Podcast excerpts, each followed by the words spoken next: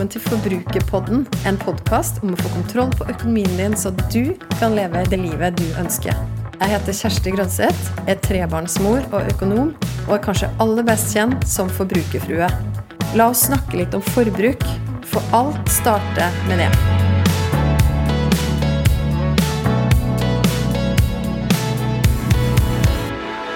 I det siste har media vært utrolig opptatt av renta, som er i ferd med å øke, og strømprisen, som jo har økt i deler av landet vårt. Og Hvis du hørte på forrige ukes episode av Forbrukerpodden, så handla jo den om å få kontroll på strømregninga di. Og i det siste så har jeg kjent meg litt inspirert til å gå litt sånn back to basics, vil jeg kalle det. Fordi det handler om å utfordre noen av de store, faste utgiftene som de fleste av oss har. Og basics, det sier jeg fordi at jeg vet at det er her det ofte starter. Og du som hører på Forbrukerråden, det kan hende det var akkurat her det starta for din del også, den interessen som du har fått for privatøkonomi og din egen økonomi. Det kan hende at det starta med nettopp det, at du skjønte at du kunne begynne med å utfordre noen av de store, faste utgiftene dine. Det er faktisk unødvendig å betale mer enn du må for å få tilgang på akkurat det samme produktet eller akkurat den samme tjenesten. Boliglånet ditt de har jo ikke høyere kvalitet om du har høyere rente på det, og det samme med strømmen din. Det kan dessuten hende at du også betaler for mye for forsikringene dine i dag. Når du tar tak da, i din egen økonomi, er en av de første tingene du møter på nettopp det her konseptet om at faste utgifter ikke nødvendigvis er faste. Fordi det er nemlig fullt mulig å utfordre de største faste utgiftene, og når du først gjør det, så lurer du kanskje på hvorfor du ikke har gjort det før. Og stikkordet her det det handler om, er forhandlingsmakt. Et stort og kanskje litt utilgjengelig begrep, men helt enkelt forklart så dreier det seg om at du kan påvirke mer enn du tror. For når du sammenligner renta eller strøm, så spiller det liten rolle hvem som skal levere det til deg. For du får jo verken finere bolig eller varmere vann, kanskje, av å velge den ene framfor den andre. Det må nevnes at det kan jo være andre grunner til at du vil velge et selskap foran et annet enn pris, f.eks. at du vil støtte en lokal leverandør. Det er jo ofte sånn som jeg har fått innspill fra flere av dere før når jeg snakker om det med strøm, at vi velger den fordi det er vår lokale leverandør, skaper arbeidsplasser der vi bor. Eller at det er et av selskapene som du, når du vurderer mellom to, så vet du at det ene f.eks. fokuserer mer på bærekraft enn det andre. Men stort sett, når det gjelder begge de to eksemplene med renter og strøm, så er pris noe av det som har mest å si for valget ditt. Og det finnes jo veldig mange banker, og det finnes veldig mange strømselskap. Og jo lettere det er for deg å sammenligne de her med hverandre, jo lettere er det å få en lavere pris. Fordi banken din tror deg når du kommer og sier at du har funnet en konkurrent som tilbyr lavere rente. Og fordi de mest sannsynlig har lyst til å beholde deg som kunde, så vil de ofte gi deg et bedre tilbud nettopp for at du skal bli. Og Jo enklere det er for deg å vise at du kan bytte til andre billigere leverandører, jo lavere pris kan du få, også hos den leverandøren du er hos i dag. Nettopp pga. at de også ønsker å beholde deg som kunde. Og Det er så bra at det finnes enkle verktøy som hjelper deg å sammenligne. og Kanskje er du veldig vant med å bruke noen av de verktøyene her allerede. Som mange av dere som er faste lyttere i hvert fall av Forbrukerpodden vet, så er jeg veldig fan av Forbrukerrådet, som jo er en uavhengig interesseorganisasjon som bl.a. jobber for å hjelpe deg som forbruker. Og de har blant annet, det her er ikke bare det de jobber for, men de tilbyr blant annet ulike portaler og sammenligningstjenester for at det skal gjøre det lettere for deg å hente kunnskap og gjennom det ta bedre valg. Og et av verktøyene det var faktisk et av de aller første og jeg vil si viktigste verktøyene som jeg sjøl oppdaga da jeg begynte å snakke også om økonomi i sosiale medier.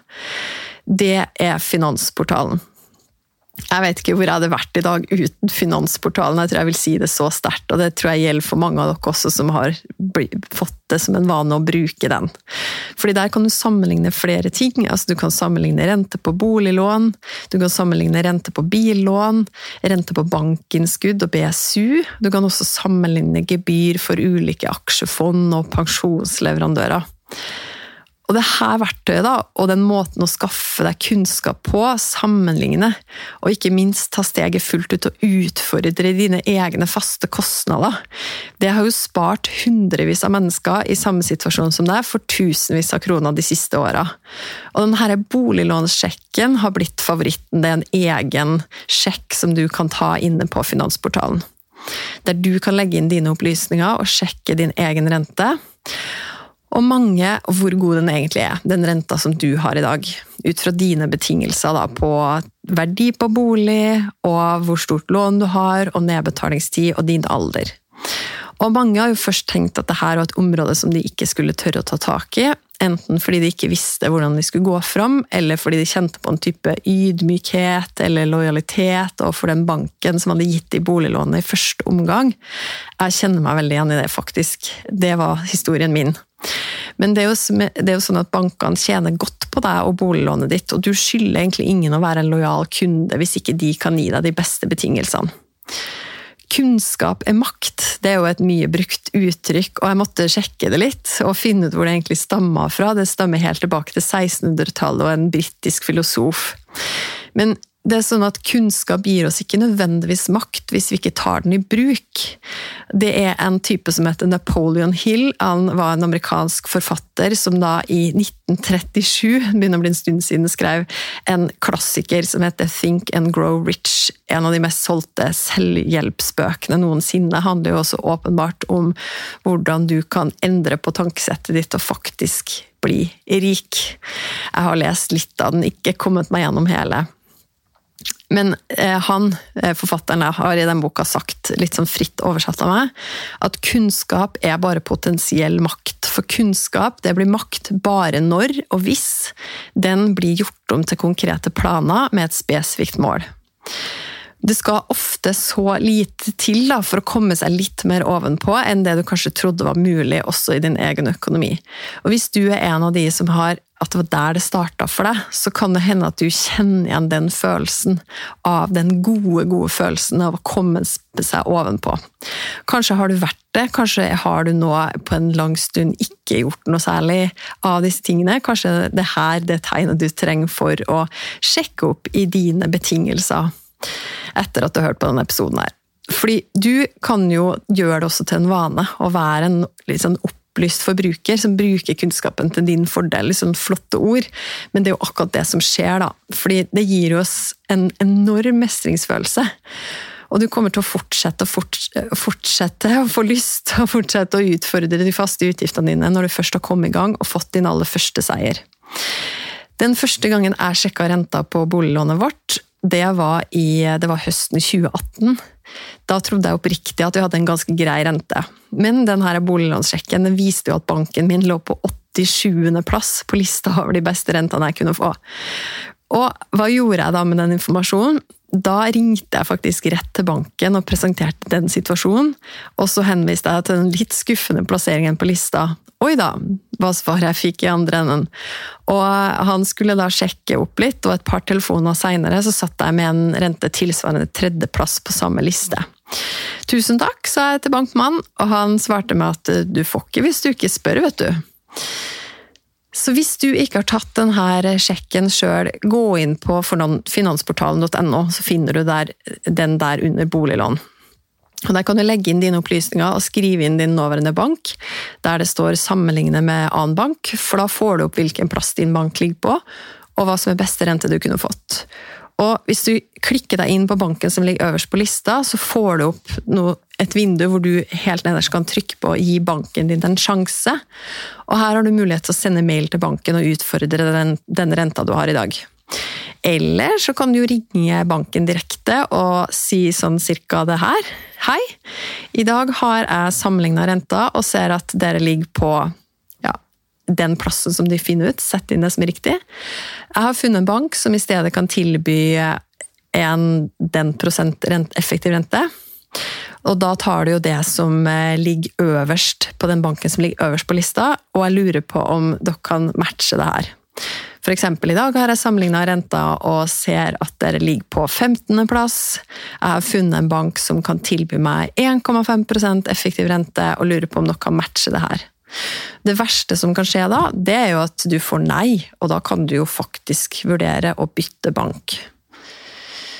Så hvis du gjør det til en vane å sammenligne priser, men også innhold og vilkår på de produktene og tjenestene som du betaler for, så er din oppgave der egentlig å sørge for at du ikke betaler unødvendig mye for noen ting du uansett ikke får mer kvalitet igjen for. Kan du spare noe også på å flytte dagligbank, f.eks. til en bank som ikke tar årsavgift for bankkortet ditt? Det finnes jo noen av de. Og når du blir kontakta av ulike selskap som skal selge deg et produkt eller en tjeneste, hvor det viser seg at eh, noen av de har etablerings- eller månedsgebyr, så kan jo du gjøre det til et prinsipp at du aldri sier ja hvis de ikke kutter gebyrene. Det vet jeg folk som har gjort også når de skulle bytte bank, at de har bedt om å få droppa det etableringsgebyret, mot at de da skulle bli kunde hos den nye banken. Det er tross alt de som er heldige som får deg som kunde, og når du først begynner å legge merke til administrasjonsgebyr, så kan det fort bli en vane å utfordre de. For selv om det ofte er snakk om små beløp, så er det jo kjedelig å betale for noe som du strengt tatt ikke trenger å betale for. Det handler i tillegg om mestring.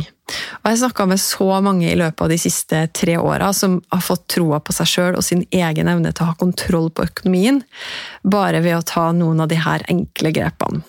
Så spørsmålet til deg er om du er klar for eh, å være den neste som, som får den innstillinga, at du utfordrer der du kan. Og så er det jo sammenhenger da, når vi snakker om gebyr, hvor det kan ha mye å si hva du betaler for det du kommer til å sitte igjen med. Og da snakker jeg om de investeringene du gjør i aksjefond, og den pensjonen som arbeidsgiveren din forvalter for deg. Det er to eksempler på det. Og igjen, Finansportalen, der kan du også sammenligne prisen på forvaltningsgebyr på både aksjefond og på pensjonsleverandør. Og jo høyere årlige forvaltningsgebyr, jo mindre sitter jo du igjen med faktisk av dine penger. Så når det gjelder aksjefond, og det her vet jo mange av dere allerede også, så er det de passivt forvalta fondene, altså indeksfondene, som koster minst. Det gir jo mening, ikke sant? ettersom det ikke er noen som er ansatt for å sitte og forvalte fondene aktivt der. Og nå er det også sånn at Forbrukerrådet har gjort undersøkelser som viser at indeksfond har hatt like god avkastning som aktivt forvalta fond. Det du også skal være klar over, er at hvis du skal investere i aksjefond gjennom banken din, så kan det være greit å sjekke hva også banken din tar i såkalt eh, formidlingshonorar for å tilby deg å kunne kjøpe aksjefond, selv om det er indeksfond, gjennom de. Og det her har jo vært saker på i media der noen banker gikk ut da den, det her var en endring som kom nå i, tidligere i år der også bankene skal begynne å ta et gebyr for at de formidler deg den tjenesten.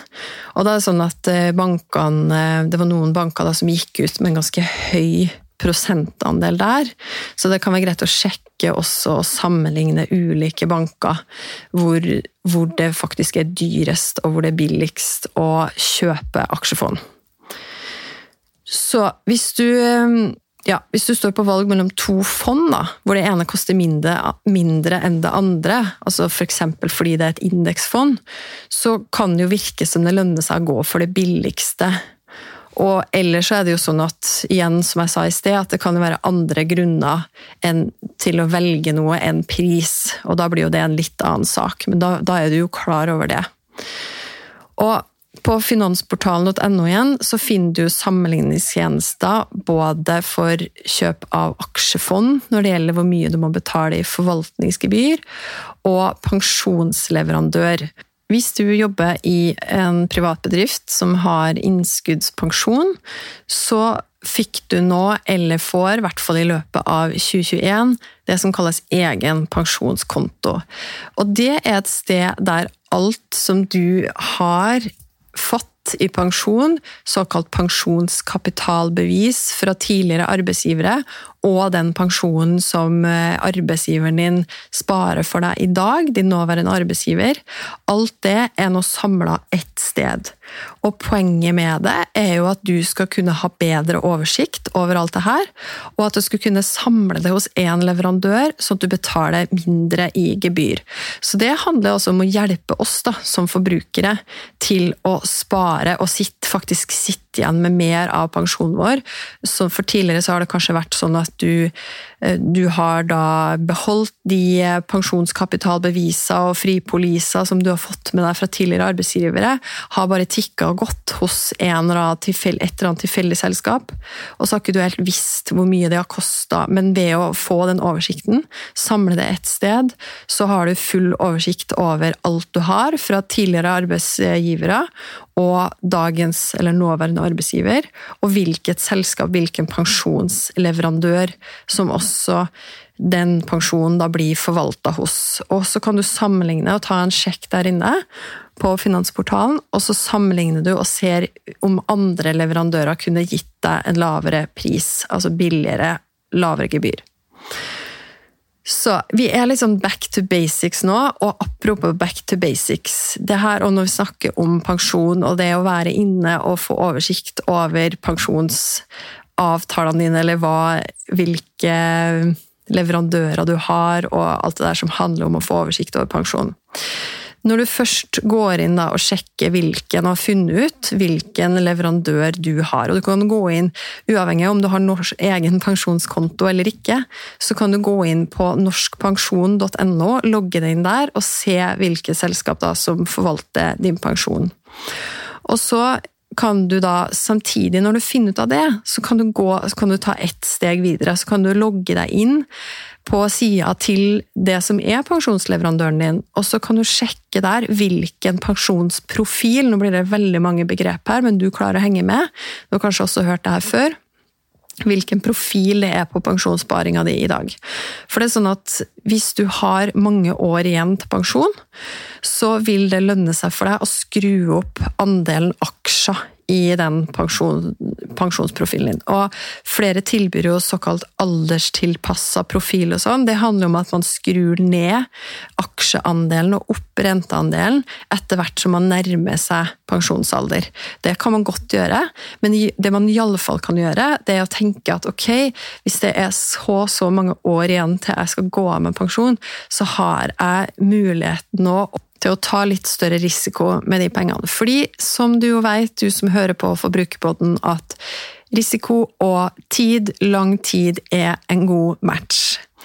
Så da har du skaffa deg et bevisst forhold til det med risiko, og du vet at hvis jeg har mange år igjen til min egen pensjon, så tåler jeg å ta større risiko. Og det handler jo om at man ser at historisk sett så har det da lønt seg å investere penger i aksjemarkedet heller enn å ha de i banken, eller da rentefond som pensjonsleverandøren alternativt ville investert pengene i.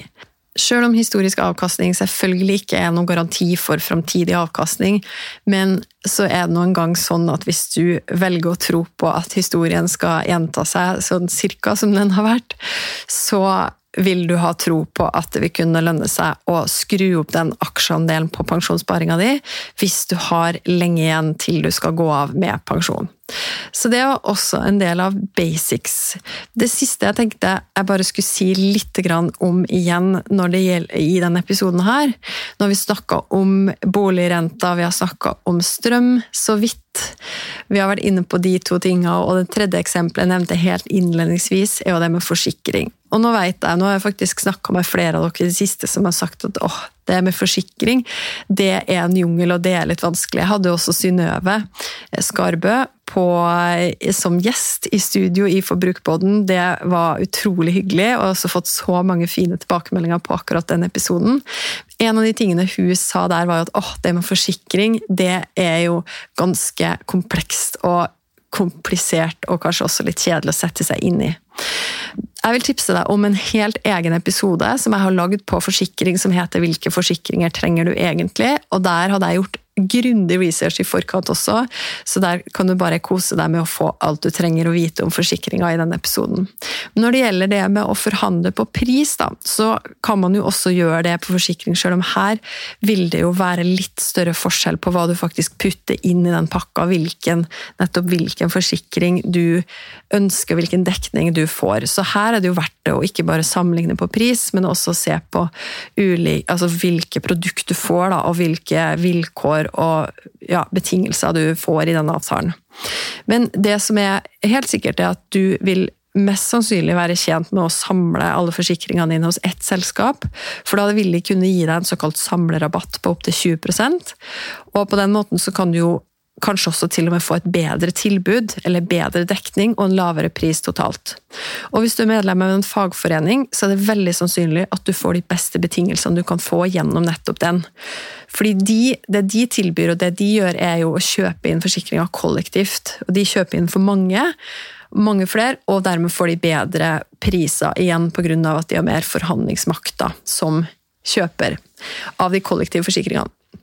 Det tilbyr de, men uavhengig av om du har tilgang på kollektive forsikringer eller må kjøpe det privat, så vil det alltid lønne seg å gjøre en grundig research og sammenligne priser mellom ulike tilbydere.